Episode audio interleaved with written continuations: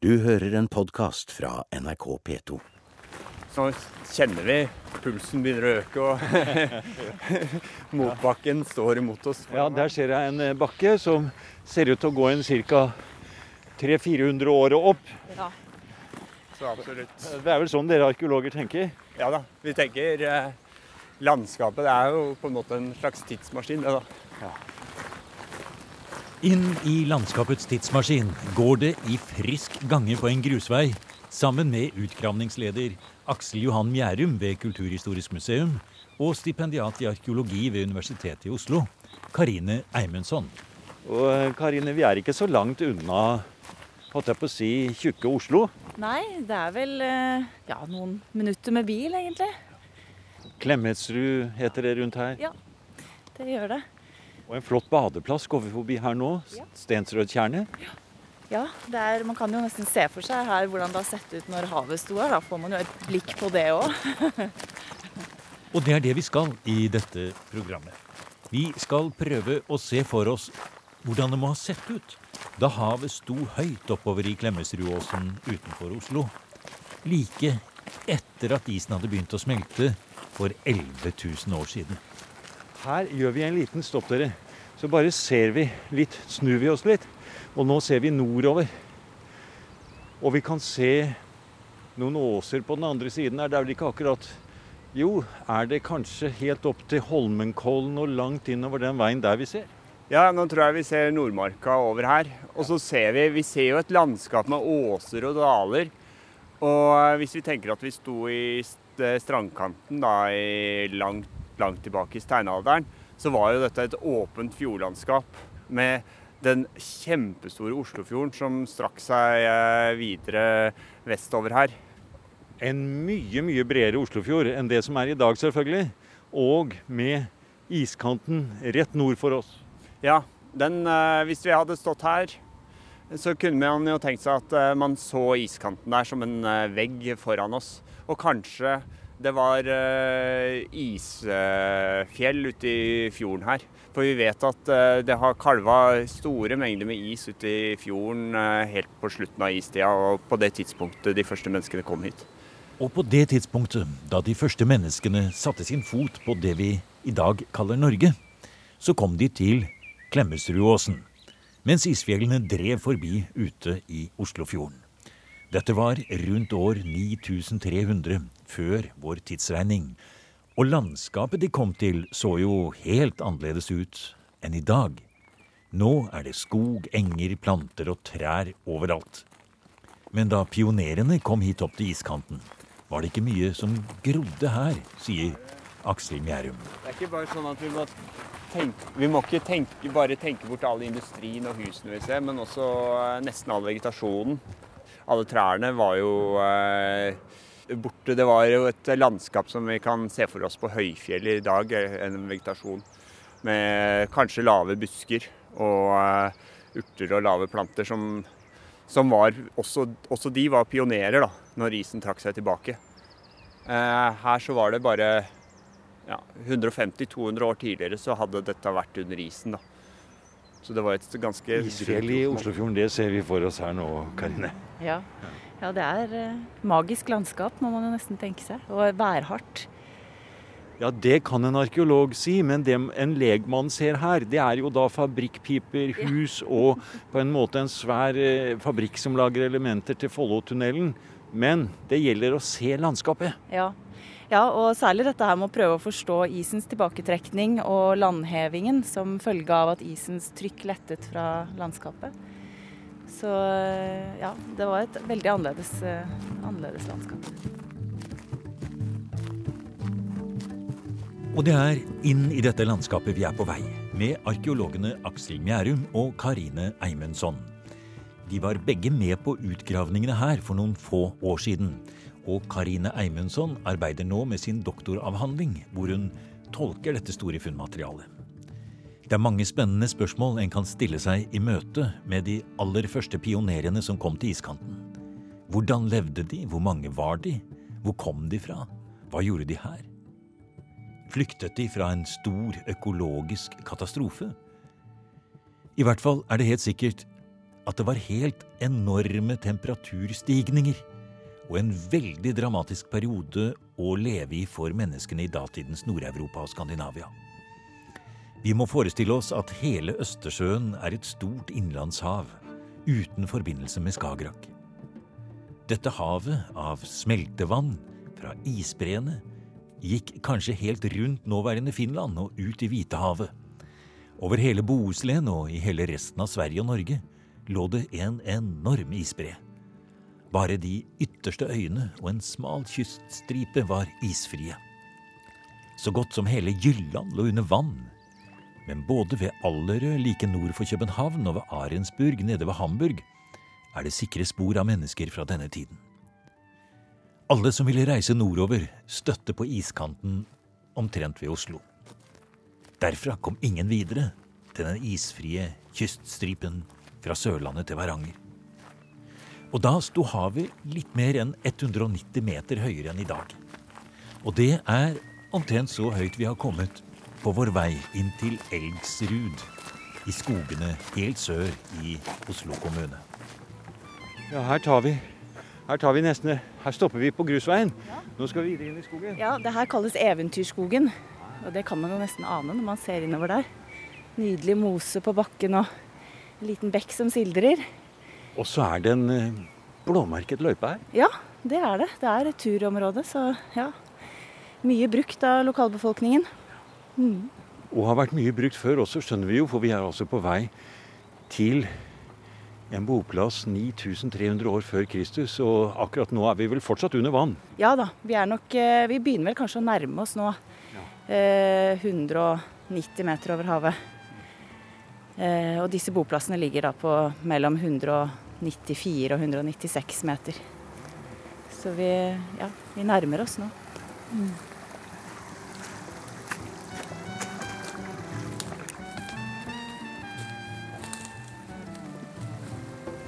Og for et klima det må ha vært egentlig den gangen. Det må vel ha vært ganske egentlig kaldt, da. Ja, altså i den perioden som eh, det bodde folk her første gang, så var det jo begynt å bli betraktelig varmere. Så det, det kom like etter en sånn liten kuldeperiode. Eh, og ja, vi kan tenke oss middel sommertemperatur på mellom 10 og 15 grader kanskje. Omtrent sånn som nå, med andre Ja, ikke så ulikt. Men så ligger det altså en stor vegg med is, og den isen strekker seg hundrevis av mil nordover. Ja, så på det tidspunktet hvor det bodde folk her, så kan vi tenke oss at isen lå omtrent ved Skedsmokorset i dag. Eh, og det har helt sikkert også vært kalde fallvinder som har kommet den veien, og isfjell som har drevet ut i Oslofjorden. Og landskapet har selvfølgelig også sett annerledes ut. Det har ikke vært grantrær. og Ja, for de, de kom vel ikke egentlig før ved Kristi fødsel? Nei, de kom mye seinere. Så vi ser for oss sånn pioner... Eh, ja, fauna og flora. Mm. Som jo er noen små planter som man kjenner til, noen soleier og sånn. Og så er det lave vekster, men ingen trær. Nei, små bjørk. Ja. Ja, det har det nok vært. Men ikke noen store trær sånn som vi er omringet av her nå, da. Det var det nok ikke. Vi følger bekken videre innover her. Det er på en måte en sånn liten dal, jeg skulle nesten si fjord, vi går i bunnen her. Trang, trangt sund er vel kanskje riktigere å si. Det er jo nesten sånn, Karin, at når vi har gått gjennom Eventyrskogen og kommet ut til denne flotte lysningen her, så er det jo, det er jo nesten som et eh, lite vandreteater. For vi har gått inn i dette steinalderlandskapet opp på rundt eh, 190 meter over havet i dag. Og plutselig så kommer vi ut på en lysning, en åpning. Og her er altså boplassen. Ja, her ligger det to boplasser eh, på hver sin side av bekken her. Eh, og som vi ser her, så er det skjermet av litt høye knauser mot nord. Og ganske åpent mot sør. Eh, klassiske steinalderboplasser på sadelryggede flater med gode opptrekksmuligheter for båt, kan vi jo se for oss. Vannet har stått helt nede i kanten her. Og da dukket det jo opp en hel masse funn, av flint spesielt. Og så er det jo noe med å gå gjennom alle disse funnene i etterkant. Og prøve å forstå hva det er de har drevet med på boplassen. Hva er det de har produsert, hvor lenge har de vært her, hvor mange mennesker har de vært her? Og hvor har de sittet rundt omkring, hvordan har de organisert seg på boplassen? Står vi akkurat på der hvor dere fant mest nå? eller? Dette er den minste boplassen, faktisk. Okay. Det er, eh, Dette er nok et, eh, et Kanskje den første, da? Den? Kanskje, ja, den Ja. eldste. Og antagelig Man kan jo se for seg at det har vært en liten gruppe med speidere. Bokstavelig eh, talt pionerer. Ja, ja, rett og slett. Ja. Som på en måte har undersøkt forholdene før Ja. Resten av familiegruppen fulgte. Ja, for nå står vi altså på en bitte liten kolle da, inn i dette området her inne på Elgs Elgsrud. Og dere fant veldig mye flint, veldig mye produksjon av redskaper og pilspisser. Ja, det gjorde vi. Både brukte pilspisser og, og mislykkede pilspisser da, som har brukket under produksjon f.eks. På akkurat den boplassen vi står her nå, eh, så har det vært et lite jaktlag, kan vi tenke oss. Eh, og det har nok bestått av voksne mennesker som har hatt, et, eh, eh, hatt god kunnskap om, eh, om produksjonen de, de drev med akkurat her. Det har lite tegn til feil og prøving. ikke sant? Det er eksperter. Um, For det kan du se på mengden avslag, kanskje, at den er liten. ja, du kan se det på mengden og på en del andre karakteristika ved, ved flinten. Eh, Så kan man gjøre en vurdering og se Dette er mye gjennom eksperimentelle forsøk i nyere tid. da. Ja, ja, Hvordan ser du det at en fra steinalderen har vært ekspert, og en har vært nybegynner? Det ser du ved at eh, de har gjort minimalt med feil i produksjonen av, eh, av redskapene sine. At det er gjort med veldig stor kunnskap om råstoff og om de teknikkene de har benyttet. Så vi har fra den litt større boplassen ved siden av her, så øh, tenker vi oss at der har det nok vært en hel familiegruppe. For der ser vi bl.a. noen, i hvert fall to stykker, med et mye lavere kunnskapsnivå. Ja, Kanskje unge barn, kanskje? Ja, det er i hvert fall det jeg ser for meg. Det er noen med ganske dårlige motoriske evner. Så Ja. kanskje en, en liten treåring eller Ja. noe i den duren som har sittet og slått løs på flinten. Og der kan vi se at de har liksom ikke fått til noen ting av det de har prøvd da, stakkars. Og i dette tilfellet så ser det ut som det kan være to barn som har sittet ved siden av hverandre. En som har vært kneppet flinkere, da, som vi kan kanskje tenke oss er storebror eller storesøster. Og så er det en som har vært helt uh, nybegynner, da, og som har sittet og strevd med, med flinten. Og til slutt bare kastet den fra seg, for den var helt ødelagt. Det var ikke mulig å få noe mer ut av den. Det er fascinerende, syns jeg. Altså, du kan se en hel liten familiehistorie eh, ut Nesten legge en liten roman av altså flintavslag. Ja, det er eh, det, er det. Vi, vi prøver jo å lese hvem, hvem og hvor mange og ja, hvem, hvem var de, de som var her. Og det kan vi si ut ifra teknologien, det de, måten de produserer det på og ferdighetsnivå. Og det er jo også en, et stikkord til et veldig spennende tema i forbindelse med de analysene dere gjør, og tolkningen dere, gjør av dette materialet. Hvor kom de fra? Ja, på tradisjonene for deres, eh, deres redskaper. Det kan si oss noe om hvem de har assosiert seg med. Hvilke andre grupper de har eh, vært i familie med, på en måte da, om ikke direkte, så i hvert fall hatt et slektskapsforhold med. Eh, og Det kan man jo se ut fra måten konseptene bak produksjonen, ikke bare utseendet på redskapet. Det kan jo ofte være formet av litt tilfeldigheter også, ikke sant? som gjør at en pilspiss ser litt annerledes ut enn en annen. Men eh, når man går inn og ser på metodene og teknikkene de har brukt, så forteller det oss noe om deres oppfatninger av en riktig eller en gal måte å gjøre ting på. Eh, Og det forteller oss noe om tradisjonen og, og også videreføringen av tradisjonen nedover i generasjonene. Og det er jo en utrolig stabil tradisjon. Den varer altså i 1500 år. Og vi finner den hele veien opp til Finnmark, så er det grupper som deler samme, den samme ideen om hvordan man, hvordan man lager redskapene sine. Og man kan jo se for seg at det er reisende mennesker, de er veldig mobile. Så de har jo hatt ø, også direkte kontakt med grupper ø, over store avstander, antagelig. Så den huggeteknikken, den utformingen og den måten å lage redskaper på, økseproduksjonen f.eks., da, den ser du har en kontinuitet helt tilbake til tilsvarende funn som er gjort kanskje da i Nord-Tyskland og Sønderjylland. Og så videre opp hit, og så rundt hele norskekysten. Hvor langt opp da, sa du? Ja, hele veien opp til eh, Varangerfjorden. Eh, helt mot den russiske grensen, og antagelig også eh, videre innover på Kolahalvøya. Så er det også funn der som tyder på at disse første pionerene også har beveget seg østover. Og på et eller annet tidspunkt der så møter de noen andre grupper som har sitt tilhold i det som i dag er Nordvest-Russland. Eh, og Det møtet foregår, eller har foregått eh, antagelig oppe i de nordlige delene av Norge i dag. da.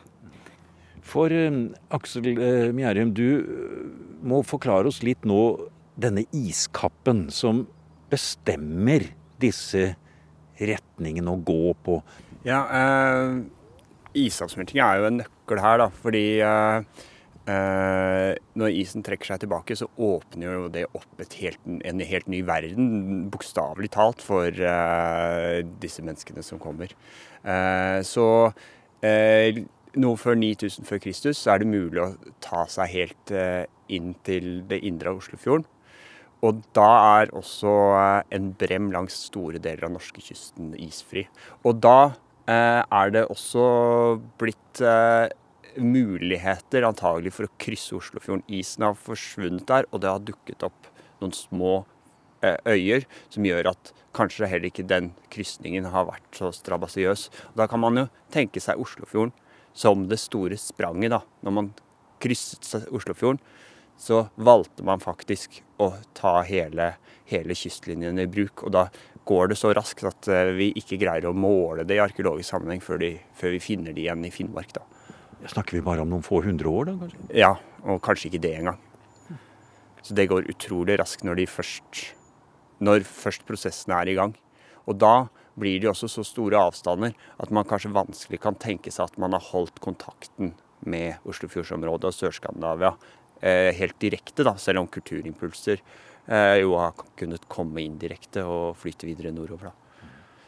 Så eh, man kan tenke seg Oslofjorden som en slags eh, nøkkel, eller som det store spranget til å ta hele kystsonen i bruk. Det er den døren til hele befolkningen i resten av landet som har stått stengt, og stengt i betydningen av at isen ligger der. Så isen må altså smelte og åpne Oslofjorden før det i hele tatt bosetter seg noen, eller ferdes noen, langs hele norskekysten. Ja, for det har jo vært eh, isfrie områder i enkelte av uh, kyststrøkene, f.eks. på Vestlandet og i Nord-Norge, tidligere. Men de har vært så vanskelig tilgjengelige at uh, det er antagelig derfor vi ikke har greid å finne spor etter mennesker i disse områdene fra før dette store spranget skjedde. Da. Ja, nå kommer jeg til å tenke på noe. Vi må passe på å ikke si det høyt. Altså at de første som bosatte seg langt kysten, var Oslo-folk. Ja. det må vi i hvert fall ikke si.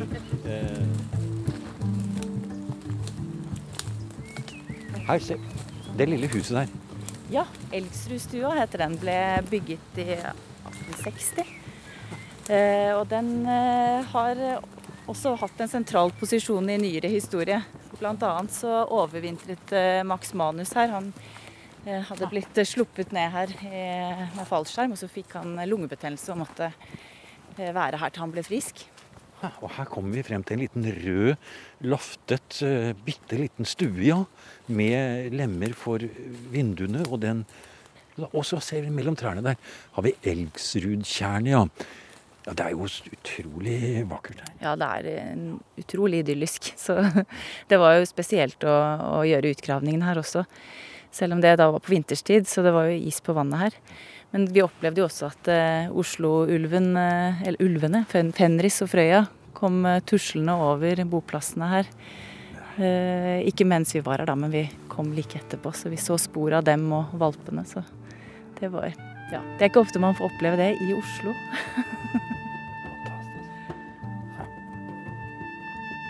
Og den Isak Selland Raasom som laftet opp det lille huset her midt på 1800-tallet, han må også ha funnet spor etter pionerbosetterne, sier arkeolog Karine Eimundsson. En av hans dreneringsgrøfter gikk nemlig rett gjennom den ene boplassen. Så kanskje har rydningsmannen vist barna sine pilspisser i flint, som de helt første pionerene la igjen her ved Elgsrud. Her eh, står vi jo akkurat i et lite kryss mellom eh, tre stier. Ja, Det er Turistforeningens T, ser vi. Ja, Så her kan man gå både til Klemetsrud kirke og Langhus stasjon. Det er ti kilometer ca. Og Fløysbånd, det hørtes jo veldig flott ut. Ja, gud vet hvor det er. Ja, Det er bare fire kilometer dit. Og eh, enda eh, kanskje enklere for de som ikke er lokalkjent, er at vi så å si står på fylkesgrensa mellom Oslo og Akershus. da. Vi er vel tilnærma så langt sør i Oslo vi kan komme.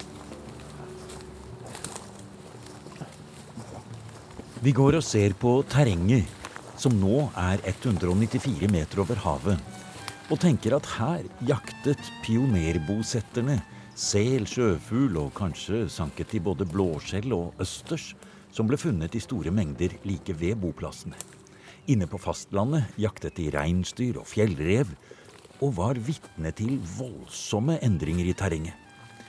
Aksel Mjærum forteller at mye kan tyde på at isen trakk seg tilbake 200 meter i året, og at landet steg mye raskere enn havet steg, pga. den enorme tyngden av isen som forsvant så fort. Og landhevningen kan ha vært så mye som 10 cm per år. Det blir en hel meter på bare ti år. Man kunne bokstavelig talt se at landet forandret seg fra én sesong til den neste. Akkurat i Oslofjorden så er det sånn at eh, landet, pga. at eh, det kaster fra seg tyngden av denne smeltende isen, stiger raskere enn havet. Men lengre sørover så har jo kystlinjen etter hvert forsvunnet. Og det som før var kanskje gode boplasser, ble etter hvert utilgjengelige. Og da måtte man jo eh, forandre levesett og liv, kanskje, og tilpasse seg den nye situasjonen. Kan det rett og slett være at avsmeltingen av isen, og at det fører til at havet stiger i de områdene de kommer fra, at de må ut og reise uansett, og så er det noen som reiser nordover? Ja, det kan ha ligget en drivkraft der. Samtidig så kan man jo tenke seg at eh, også disse endringene har skapt eh, nye muligheter. Men noe som kan ha vært viktig, er at de ressursene man eh, tradisjonelt hadde utnytta, ble endra. Men også eh, framholde det her med klimaendringene. Det er nye arter som kommer inn. Gamle forsvinner. Eh, det som jo tidligere hadde vært kullekjære arter, f.eks. reinsdyret, forsvant jo etter hvert. ikke sant? Eh, og eh, nye... Ja, forsvant fra de områdene Ja. hvor pionerene kom fra. Ja, ikke sant. Og da har man, det tradisjonelle har jo vært at man har fulgt Den tradisjonelle tanken har vært at man har fulgt disse dyrene oppover. Men når vi da møter eh, disse jegerne og sankerne igjen på Elgsrud, så ser man jo at det er eh, kysten som har vært det store ressursgrunnlaget. Og vi finner spor etter reinsfangst eh, også i Norge. eh, Men eh, først kanskje et par hundre år senere enn det vi er vitne til her på Elgsrud. da. Så kanskje det rett og slett er den rike næringstilgangen i havet, der hvor smeltevannet kommer ut, altså fra Gøteborg og til, til Oslofjordområdet, som gjør at det er livet i havet som blomstrer opp så voldsomt, og det er kanskje det de følger? Ja, og så kan man kanskje si at landskapsendringene landskapsendringen resulterer i at både havet gir og havet tar. da. Men den indre drivkraften og den kulturelle drivkraften på å finne noe nytt og utforske og ta seg videre inn i det ukjente, har nok kanskje, tror jeg, vært vel så viktig. Vi er jo i og for seg et, eh, den skandinaviske halvøya et av de siste områdene som blir kolonisert etter siste istid. Eh, Og før det så er det jo en lang tradisjon med mennesker som lever i sentrale deler av Europa. Og det er jo de første som kommer hit, det er jo etterkommerne deres, kan man si. Og det er jo også flere istider. Ja, det er det. Så det har jo gått i, i pulser, kan man si. I, ja, i bølger. Også, og på andre siden der så ligger det en skjellbanke. Og den er eh, en viktig nøkkel til å forstå hva som faktisk har skjedd her. For ut fra de eh, skjellene som eh, ble funnet der, så har vi hatt en mulighet til å eh, datere boplassen. I hvert fall sånn ganske nøyaktig, og langt mer nøyaktig enn det som har vært mulig tidligere i Oslofjordsområdet. Der er det både skjell som liker seg ganske kaldt, men også f.eks. blåskjell som liker høyere vanntemperaturer. Noe som forteller at dette har vært et tidspunkt med et klima i kraftig endring. Da. Så når det bodde mennesker her, så var klimaet i ferd med å bli radikalt bedre. Og eh, vi begynner å få et klima som eh, kanskje i stor grad har ligna det vi har i dag. Og da har vi altså en situasjon hvor man på den ene siden kan tenke seg et arktisk miljø, Men allikevel med et klima som har vært langt, mer, langt mildere, da. Så det har vært en situasjon som vi jo ikke kjenner fra i dag. Ting skjer så fort her. Så, så uh, i løpet av uh, bare noen tiår så har uh, iskanten flytta seg mange, mange kilometer. Så det er jo et, det er jo et ja, naturhistorisk drama vi på mange måter står midt inni, da. Når vi kommer tilbake til denne perioden her. Voldsom endring. Ja. Eh, og man kan jo også, ved å tenke på de endringene som var her, så kan man jo tenke seg sånn verste scenarioer i tiden framover. I hva, hva en klimaendring faktisk innebærer. Du har nå hørt en podkast av programmet Museum fra NRK P2. Og send gjerne en e-post til museum.krøllalfa.nrk.no. nrk.no.